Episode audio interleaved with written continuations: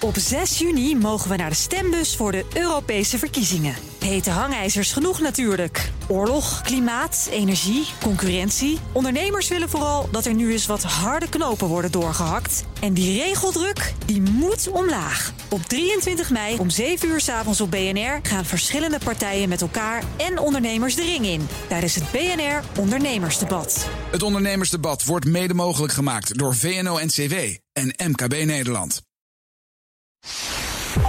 Er was dus iemand die zei op Twitter dat ik walgelijke teksten had uitgesproken gisteren. Nee, dat vind ik ook echt niet bij jou passen. Wat had jij verwachtelijks gezegd? Dat heb ik gevraagd. Wat was het dan? Dan kan ik er misschien iets aan doen. En dat vind ik heel gek dat je dan zegt het is Ja, dat is wel walgelijk. heftig.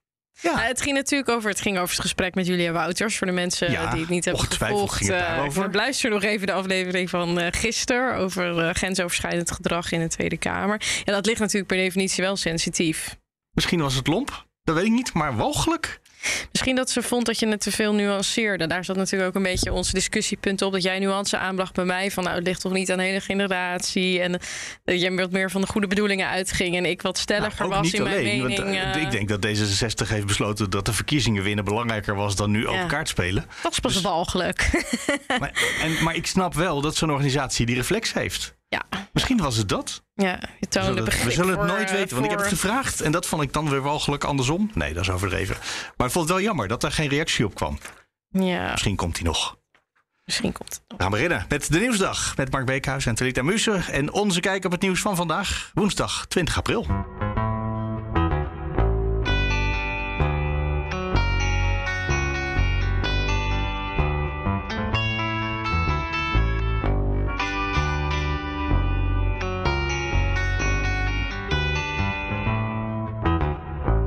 En natuurlijk als eerste even zeggen dat je je kan abonneren op deze podcast. Ja, doe, Doe dat gewoon. Gratis, hè? Bedoel, Maak ons onderdeel van je routine. Dit zou jij weer niet door je stot kunnen krijgen, hè? Voor of na het tandenboetsen. Klinkt veel te, veel te intiem klinkt dat. Maar zullen we beginnen met nieuwsberichten? Eh, bijvoorbeeld het gesleep met de vluchtelingen die in Nederland zitten. Ja. We hebben natuurlijk in Ter Apel het, eh, het centrum waar mensen opgevangen werden. En er waren er te veel. Ja. Veel meer dan de ruimte voor was. En de burgemeester had ook gezegd, de omstandigheden zijn niet goed, dus we gaan daarmee stoppen. Nou, dan moet dat veranderen. En dat begon al een beetje crisis te worden. Want gisteren was in de loop van de dag al duidelijk dat mensen niet wisten. Eergisteren was dat. eh, waar ze Ja. s'avonds zouden slapen. Nou, nu beginnen er plekken te komen waar het dan wel opgelost kan worden. Er kunnen 80 vluchtelingen naar Os en 150 naar Alkmaar. En misschien is er nog inmiddels een derde plek ook. En dat gaat dus niet per er se om? Oekraïnse vluchtelingen, of wel ook. Het, gaat, dan over, eh, allerlei nee, vluchtelingen. het gaat juist niet over Oekraïnse Nee. vluchtelingen. Eh, en dat is ook wel eh, wat bijvoorbeeld in Os aan de hand is. Dat daar de plekken die vrijgemaakt waren voor Oekraïnse vluchtelingen... die worden dan voor een deel weer ingeleverd. Ja, dus zo wordt het eigenlijk een Dus soort pro- sleep over Ja. weer. Ja. Maar waarom? Want er is een noodwet, toch? Voor de Oekraïnse vluchtelingen. Ja. Waarom wordt die niet voor alle vluchtelingen ingevoerd? Zodat de staatssecretaris of de minister overal plekken in Nederland kan toewijzen gewoon voor dit. Want nu is het eigenlijk gewoon een vluchtelingencrisis. Niet meer alleen een Oekraïnse opvangcrisis. Het is een regeringscrisis en een gemeentecrisis. Ja, Waarom doen ze dat dan niet? Gewoon hup, van bovenaf, daar zoveel, daar zoveel, daar zoveel. Ja, is nu even crisistijd, toch? Nu niet eh, met busjes heen en weer eh, rijden. Ja, het, eh, ik vind het een heel goed idee. Ja, oké, nou. Morgen is er een eh, groot debat over eh, dit onderwerp in ter de Tweede Kamer. Dan zal dat zeker te sprake komen. Echt een mega lang debat zal het worden. Want dat zijn vijf bewindslieden, ministers en staatssecretarissen... die dan naar de Kamer moeten komen. Meestal is het er één, soms zijn het er twee. Vijf is echt eh, ongebruikelijk. Misschien moet je ook maar een coördinator worden aangesteld. Dit, dit is het domein waar nog geen coördinator op is inderdaad. Nee, nou, ik meld me bij deze aan. Je bent veel te duur. Eh, denk ik. Wat hebben we nog? We hebben heel veel, veel te veel nieuwsberichtjes eh, ja, vandaag ik wil het hebben met jou over eh, Ongehoord Nederland. Oh ja, Even tussendoor. dat is, dat is geen nieuws, toch? Nee, Dat bestaat gewoon, Dat dat is bestaat erg genoeg. Ja, dat precies. Dat vinden mensen wel. Maar eh Ab Osterhaus die was de gast bij Ongehoord Nederland. Oh ja, en dat ehm, toen heeft het NRC daar een artikeltje over geschreven dat ze het niet vonden kunnen dat Osterhaus daar door zijn aanwezigheid legitimeert hij eh, het delen van uh, nepnieuws of het delen van onwaarheid. En uh, dat vond ik toch wel een beetje een kinderachtig stuk van het NRC. Ik vind dat niet de rol van het NRC om te zeggen als ene medium dat andere medium, wat gewoon nou eenmaal door alle toetsingen is heen gekomen, het heeft publieke zendtijd, om dan te zeggen van daar, je moet niet het debat met mensen aangaan. Ik denk het, het publieke debat is toch juist bedoeld om op basis van argumenten elkaar te corrigeren. En als iemand dat kan, dan is het denk ik wel gewoon een deskundige als Oposterhuis. Ja. ja, daar vergis je je gelukkig in. Dat kan ik ze nou, wel tegen niet, inbrengen. Want volgens mij heeft hij het wel goed gedaan. Ja, maar oh, ik, heb vertel. Het, niet, ik heb het niet gezien. Dus misschien is het. Uh, ja, ik, nee, dat, daar begint het mee. Eigenlijk vind ik hier helemaal niks van. Maar ik zag wel een interessante tweet van uh, ja. iemand die veel verstand heeft van communicatie en uh, PR en hoe dat werkt. Michel van Baal, die mensen van de Space Cowboys podcast mm -hmm. hier kunnen kennen. Die zei: als je daar gaat interviewen, daar een interview gaat, gaat geven dan moet je vooral ongelooflijk veel uh, voorbereiding erin doen. En hij gaf als voorbeeld uh, Maarten Keulemans ja, bij, bij Café Weltsmerts. Ja. Uh, zodat je elke keer als er iets voorbij komt wat gewoon ter discussie gesteld moet worden, dat je dat kan doen. En dat Osterhaus, die gaat daar zitten vanwege zijn ervaring. En daarmee heeft hij autoriteit opgebouwd. Maar die autoriteit telt daar niet. En ja, dus in die context ook- ben je. eigenlijk- Ja, ja, maar ik dat- moet er terugkijken, maar in die context ben je waarschijnlijk kansloos. Ja, maar het doet wel alsof, er echt heel, alsof het heel duidelijk is. Maar als ik bij andere televisieprogramma's zat, dan moet je ook heel vaak op je tong bijten door alle onzin of onwaarheid of framing. Of dat geldt even goed bij alle andere omroepen. Dus zo erg als je je daar dan ook continu moet corrigeren, zo moet je dat eigenlijk ook continu doen bij alle andere media. Maar daar vinden we dat dan iets minder erg. Of zijn we gewend aan de framing, of gewend aan de verkeerde berichtgeving, of gewend aan dat dingen verkeerd worden weergegeven. Bijvoorbeeld een ehm, NOS of andere media die continu eh, het conflict in eh, Israël eh, redden noemt. Terwijl het gewoon een eenzijdige aanval is van de politie in een, eh, in een moskee. Terwijl moslims zitten te bidden. Ja, dan moet je eigenlijk continu zeggen: Nou, het woord redden moeten jullie niet gebruiken. Moeten continu ingrijpen als Ja. jullie dat gebruiken. Stel je zit bij Geliet en Sofie of je zit bij anderen, dan ga je ook niet de hele tijd daar zeggen: Niet het woord rellen. Of nu niet het woord wit of blank. Of nu niet het woord. Dan ga je dat politieagentje ook niet doen. Dus ik, dat je dat dan ook bij een ongehoord niet doet. Dan denk ik, ja. Ik, ik snap wel zo'n Osterhaus van je hebt gewoon je eigen rol. Hij staat voor zijn eigen woorden. En hij kan daar wel misschien iets van, van discussie eh, eh, veroorzaken. Eh, ik, ik bewonder je optimisme. Alternatief is... het niet doen. En dan blijven mensen allemaal in hun eigen koker en in hun eigen bubbel tegen elkaar eh, voor de eigen kerk, zeg maar, eh, preken. Dat Ja. is het enige alternatief. Dat is altijd een slechter alternatief dan het debat aangaan. Oké. We moeten het over. eh, we hebben niet zo heel veel tijd meer, maar we moeten het nog even hebben over Netflix, denk ik. Oh ja, Netflix. Wat daarvan ja, over is. Ja, ja, Netflix heeft voor het eerst in de ontstaansgeschiedenis hebben ze abonnees verloren. Hebben ja, ze niet eens zoveel. En zijn omzet is ook eh, 200.000. gedaald. Ja. Maar ja, ze hebben, weet ik veel, 200 miljoen of zoiets de abonnees. Dus dan, eh, dan kan je 200.000 is achter de komma. Ja. En wat wel, wat wel grappig daarin is, is dat vind ik ook nog wel leuk. Heb jij Netflix? Ja. Betaal je daarvoor zelf? betaal het helemaal zelf. Oh, kijk, zie je. Nou, ik dus bijvoorbeeld niet. En ik heb vandaag ook even een rondje gepeild bij allemaal jongeren. En niemand, echt niemand die ik ken, het waren echt zo twintig mensen, eh, die betalen zelf voor een abonnement. Dus dan Allemaal mee allemaal op het abonnement vrienden, ouders of iemand vrienden. die ooit is ingelogd op je computer, een ex, een oude collega. Ja. Nou, en dat is dus bij elkaar opgeteld. 100 miljoen, 100 miljoen mensen wereldwijd Ja. betalen niet voor hun Netflix-account. Nou, maal eh 8 euro per maand, dat is nogal een mislopende inkomst. Ja. Ondertussen is trouwens ook ongeveer een derde van, het, eh, van de waarde van de beurskoers af. Zo, dat is dan snel gegaan. Dat vind ik dus echt voor 200.000 abonnees die je kwijtraakt op 220 eh, miljoen. Dat vind ik echt wel een, Heel redelijk heftig. heftige... Ja, en die 220 miljoen die heb ik vanmorgen ergens gelezen... en die kan ik nu zo snel niet meer vinden. Dus ik weet niet helemaal zeker of dat cijfer klopt. Maar ja, het geeft gewoon aan dat het zeg maar. Ze hebben natuurlijk een hele dominante positie. En blijkbaar is er dus wel. een soort van toch wel weer iets aan het schuiven. En is, er, is hun verdienmodel. eh, staat dat een beetje onder druk. En dat is, vind ik wel interessant. ja, ik kan me wel voorstellen. Ik bedoel, de, de, de lockdowns in de wereld... behalve in Shanghai zijn voorbij. Ja, Dus mensen, en mensen gaan met dit weer weer naar buiten. En dan heb je nog inmiddels 17 of zo andere diensten. meer, er zijn meer concurrenten, Ja. dat ook. Ja, kan naar Disney of En waar naar wij het HBO eerder over hadden, over die eh, acteurs NPO. die niet betaald worden in. eh, dat heb jij het toen nog over Ja. gehad. Dat is bij die, al die andere diensten hetzelfde hoor. Ja, maar dan kan je misschien ook voorstellen dat er misschien weer meer independent movies gaan ontstaan. Meer kleinere producenten, meer die het zelf willen uitbrengen. Ja, nou goed, in ieder geval. Uh, ja. De monopolie van Netflix wordt misschien uh, wat verzwakt. Wil je nog iets voorspellen? Jij bent altijd heel erg van het radicale. Ik denk dat jij gaat voorspellen: Netflix is over een jaar verdwenen. maar het zou wel kunnen, dit is een rare voorspelling, maar het zou wel kunnen zijn dat nu de beurskoers zo laag is. Uh, dat, dat Elon Musk Netflix koopt. Elon Musk of misschien eerder Disney of zo. En dat die het overneemt. Die het overnemen. Dat wil ik wel voorspellen. Dat uh, nu over een jaar Netflix. Overgekocht wordt door Disney. Ja, door een, door een ander. Door een van de concurrenten. Oh, staat. Hij staat. Hij staat.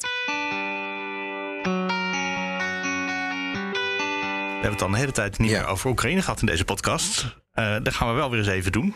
Ja. Over Mariupol, wat nu dreigt zijn laatste uren als, ja, als Oekraïnse stad uh, door te brengen. Het is echt verschrikkelijk. Er gaan allemaal beelden rond op social media van, van baby's, kindjes, kinderen die vastzitten op het terrein van die uh, fabriek. Er is een filmpje wat viral gaat van een Oekraïnse soldaat die de wereldleiders vraagt om hulp uh, bij de evacuatie. Die is een het, soort filmpje, filmpje, gemaakt en zegt: ja, Ik zit hier nog in mijn eentje. Ik zit hier nog. ik heb nog een paar. Hij zegt letterlijk: Dit is mijn boodschap aan de wereld. Ik heb misschien nog maar een paar uur te leven. We zijn echt een soort sitting ducks. Uh, ja, ik vind het heel. Uh, nou, ik zei tegen jou, doen er bij mij allerlei historische gebeurtenissen uit het verleden ook. Van een soort de laatste uren van, uh, van mensen. Dat is best wel gek om nu zo real-time zeg maar mee te maken. Ja, en toen wij hier vanmorgen over belden, toen zeiden we ja.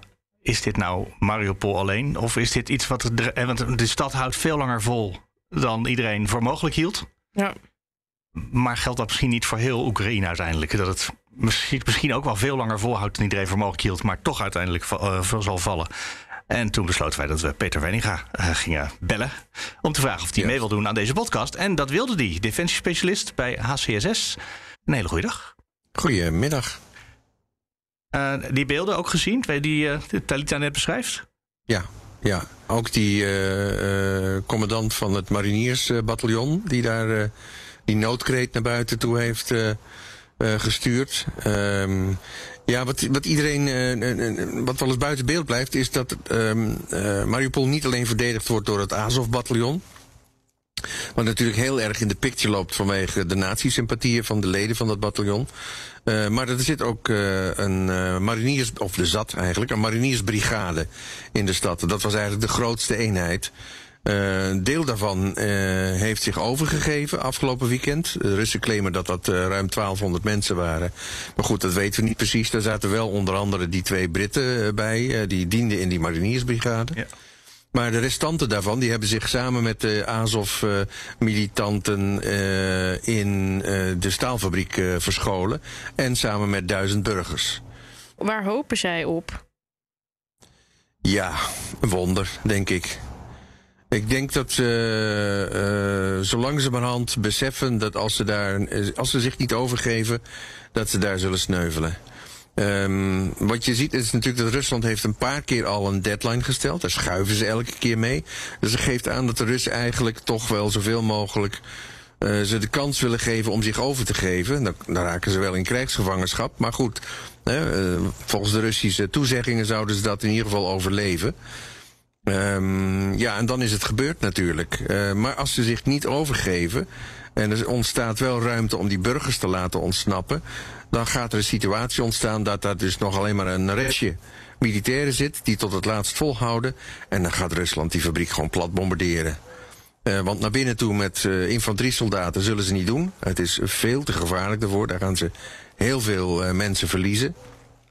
Die fabriek is een doolhof van allerlei gangetjes, uh, gebouwen, ja, mega installaties. Ook, ja, precies. Dus op elke hoek zeg maar, kan een, uh, een boobytrap liggen of een, een hinderlaag van, uh, die door de, de lui van het Azov-bataljon en die mariniers is gelegd.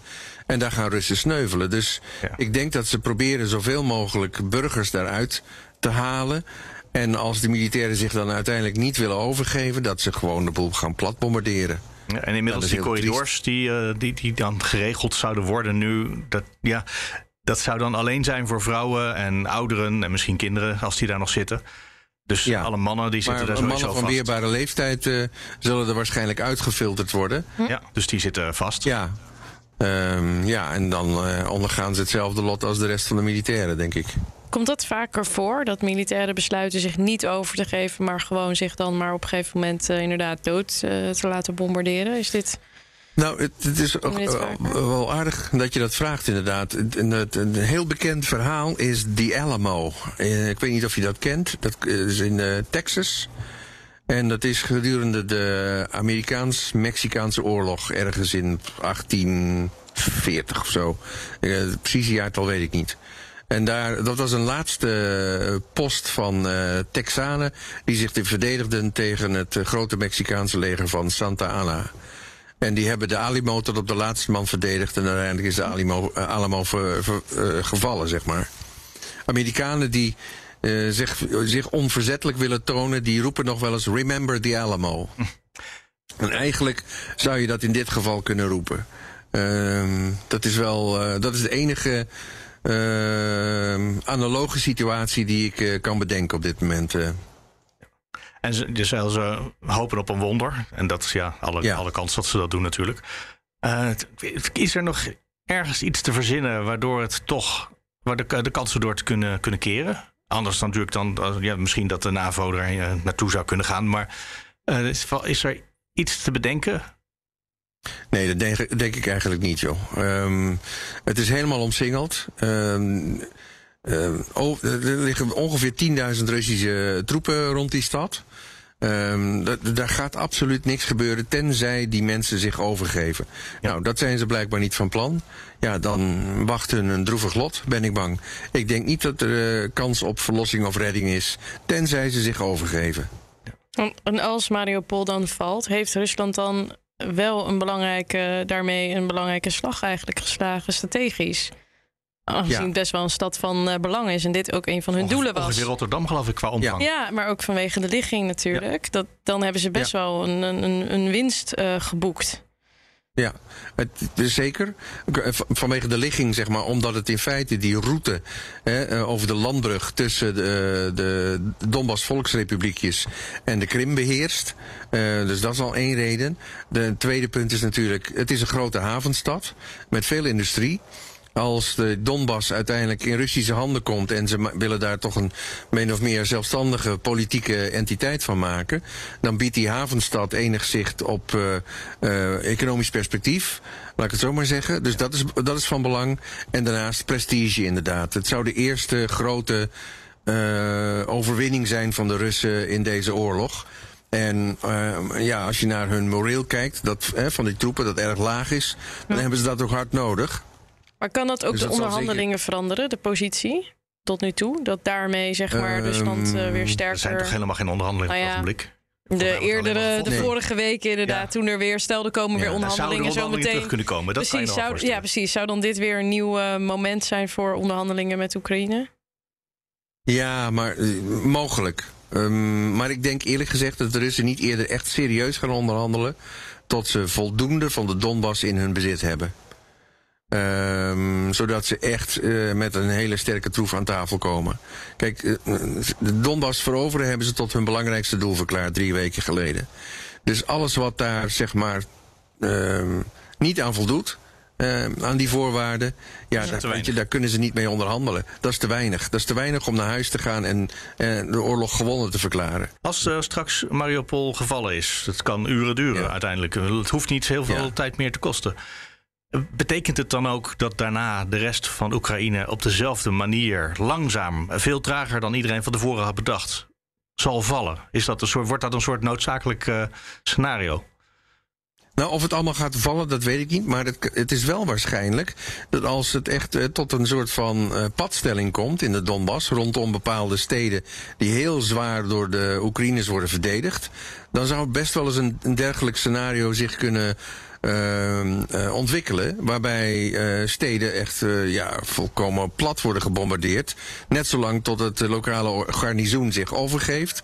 Of helemaal geëlimineerd is. Hetzelfde ja, scenario. Niet onwaarschijnlijk. Ja, dat hetzelfde lot treffen als, dan, als Mariupol. En ja, goed, het is nog een beetje gissen natuurlijk, maar het is niet onmogelijk. Want ja, eh, de generaal die dit bevolen heeft, uh, om Mariupol zo uh, zeg maar te bestoken, dat is nu de oppercommander, commando, commandant, die dus de hele operatie aanstuurt. Dus ja, weet je, dat hij diezelfde methodiek bij de stad gaat toepassen als het daar niet snel genoeg gaat, dat zou best eens kunnen. Ja, werkt hij daar ook? Want het is natuurlijk wel verschil of je een, een grote stad probeert in te nemen. Of dat je kleine stadjes in een drassige omgeving met andere soortige wegen probeert in te nemen. Kan ik me voorstellen. Ja, het ligt er een beetje aan hoe inderdaad de omgeving is, hoe het weer zich ontwikkelt. Um, als het uh, droog blijft, dan droogt die grond ook vrij snel op. En dan kunnen de Russen ook beter manoeuvreren in het terrein. Dat is in hun voordeel als, de, als die situatie zich zo ontwikkelt. Um, ja, het punt is natuurlijk wel, een stad op het land moet je echt 360 graden rondom omsingelen. Hier hè, lag de stad aan één kant aan de zee. En kun je dus vanaf het land zeg maar benaderen. En dan heb je hem vrij snel omsloten. Um, maar op het land zal het nog wel wat meer moeite kosten. ja, als de Russen in staat zijn ja. maar, buiten die wegen te opereren, dan ja. Ja, dat omsingelen, dat dat moeilijk is, hebben we bij, uh, bij de hoofdstad natuurlijk gezien, bij Kiev. Dat ja, ook niet gelukt is. Nee. Nee, en dat is ook niet gelukt, omdat con dat konvooi tot staan, uh, staan ja. gebracht. En bij Kiev ligt natuurlijk aan een rivier. Dat, uh, er zitten veel rivieren in dat gebied. Allemaal bruggen die moeten worden overgestoken. Bruggen die door, vaak door de Oekraïners ook opgeblazen zijn. Dus dat maakt het moeilijk. En dat konvooi is gewoon tot staan gebracht. Dat heeft de stad uiteindelijk niet bereikt. Ja, en weet je, daardoor is die hele operatie eigenlijk gewoon mislukt. Ik was nog even blijven hangen bij uh, het verhaal over die Alamo in Texas. Ja, ja. Ik zat te denken, zou dat, zou zeg maar, stel dat er ook vrouwen en kinderen besluiten niet uh, gebruik te maken van die corridors en in een soort van uh, algehele opoffering. Ik bedoel, ja, ook daar zijn in de geschiedenis voorbeelden van daar te ja. blijven. Zou dan nog de rol van media en sociale media en dat daar filmpjes van uitlekken en beelden van uitlekken en dat een soort heroïsch gebeurtenis wordt, zou dat nog iets kunnen doen. Misschien in ook Rusland, weer in, het, met de opinie. in Rusland, opinie van toch westerse landen, om toch nog weer verdere sancties. Zou dat nog iets kunnen doen? Die potentie, zo, zo klinkt het wel, zeg maar, dat het dat heeft, dit verhaal. Ja, maar kijk eens naar de andere gruwelijkheden die de ja. Russen al hebben gepleegd, ja. die ook naar buiten zijn gebracht. Ja, uh, daar halen ze hun schouders over op, joh. Dat is eigenlijk het, het trieste, zeg maar. En, en, dat geeft ook aan de enorme kloof tussen het Westen en, en, en de Russen eigenlijk. Uh, voor wat betreft uh, hoe ze naar oorlogvoering kijken. Dat is een afspiegeling van een maatschappij. Bij ons ook. Bij ons staan de mensenrechten bovenaan de agenda in onze maatschappij. De oorlogsvoering die, van ons is daar een afspiegeling van. Bij de Russen staat het helemaal niet uh, bovenaan de agenda. En hun oorlogvoering is daar weer een afspiegeling van. En maar de je NOS ziet gewoon die, dat ze... die kopt net wel dat uh, er uit de Kremlin top... maar goed, dat kan dan misschien uh, verkeerde informatie zijn... maar dat er uh, dat uh, uh, prominenten in het Kremlin dit de grootste vergissing noemen. Het hele starten van deze oorlog. Dat dat zeg maar ja. opgevangen dat wordt. Was dat was eigenlijk al voor de oorlog zo, hè? Was eigenlijk al voor de oorlog. De hele oorlog is een strategische blunder, inderdaad. Uh, en, en de, de, uitvoering van de oorlog is de ene tactische blunder op de andere gestapeld. Uh, wat dat betreft is dit een volkomen mislukking. Um, maar weet je, het, het lastige is natuurlijk, dat, dat kun je erkennen. Um, uh, Poetin zal het niet zo makkelijk erkennen. Dus het is maar de vraag of de mensen die binnen het Kremlin een, een afwijkende mening hebben, um, of daarna geluisterd gaat worden. En misschien wel, wordt er wel naar geluisterd en zegt je hebt eigenlijk gelijk, maar we kunnen niet meer terug. Um, want terugtrekken zou nu zo'n enorme gezichtsverlies uh, betekenen ja, voor Poetin. Blunder op blunder. ja. ja. Nou ja, goed. Het, het, het, terugtrekken zou een politieke blunder zijn, zeg maar. Precies, uh, ja. Geen militaire. Nee. Uh, want dat is je verlies erkennen. Maar politiek gezien zal hij dat niet overleven in Rusland, denk ik. En, en dat is het lastige van deze. Hij heeft zich in een zodanige positie gemanoeuvreerd dat hij niet terug kan. Hij moet Mariupol innemen. Hij moet de Donbass innemen. Anders mislukt hij gewoon, letterlijk. Peter Weininga, hartelijk dank. Dankjewel. Graag gedaan. Anders nog iets. Uh, nou, uh, je kan je dus abonneren op deze podcast. Maar dat hadden we geloof ik al gezegd. Uh, je kan mailen naar denieuwsdag.bnr.nl. En je kan uh, reageren op Twitter. Complimenten of uh, nee, Je mag ook dingen walgelijk vinden. Maar het is wel fijn als je dan zegt waarom of hoe. En, uh, je ermee? Nee, ja, dit, het gebeurt wel vaker dat mensen dit soort dingen zeggen. Zeker, ja. dus daar kan ik wel tegen. Maar ik vind het zo jammer als het dan als het alleen maar een kwalificatie, alleen maar als het alleen maar schelden is en niet uitleggen wat je dan beter had gewild. Graag onderbouwingen onder. Ja, graag met een paar, uh, paar, bijlagen in de mail. nee, dat hoeft, allemaal, dat hoeft allemaal niet. Maar het kan allemaal heel kort. Je kan zeggen. Maar goed. Dus kortom, je kan reageren. Soms krijg je ook een reactie terug. Dat is ook leuk als je dat, als je dat leuk vindt. En dat kan ook op Instagram. En daar vind je ons onder andere op het BNR. Want dan kan je meedoen met het. Uh, voorspelling van de dag. Voorspelling en. Uh, Twitter naar het BNR, het Marks Remarks, het Rietemusje en het De Nieuwsdag, onze eigen Twitter. Keuzestress, man. En zoveel opties. Vergeet je niet te abonneren. Tot morgen. Tot morgen.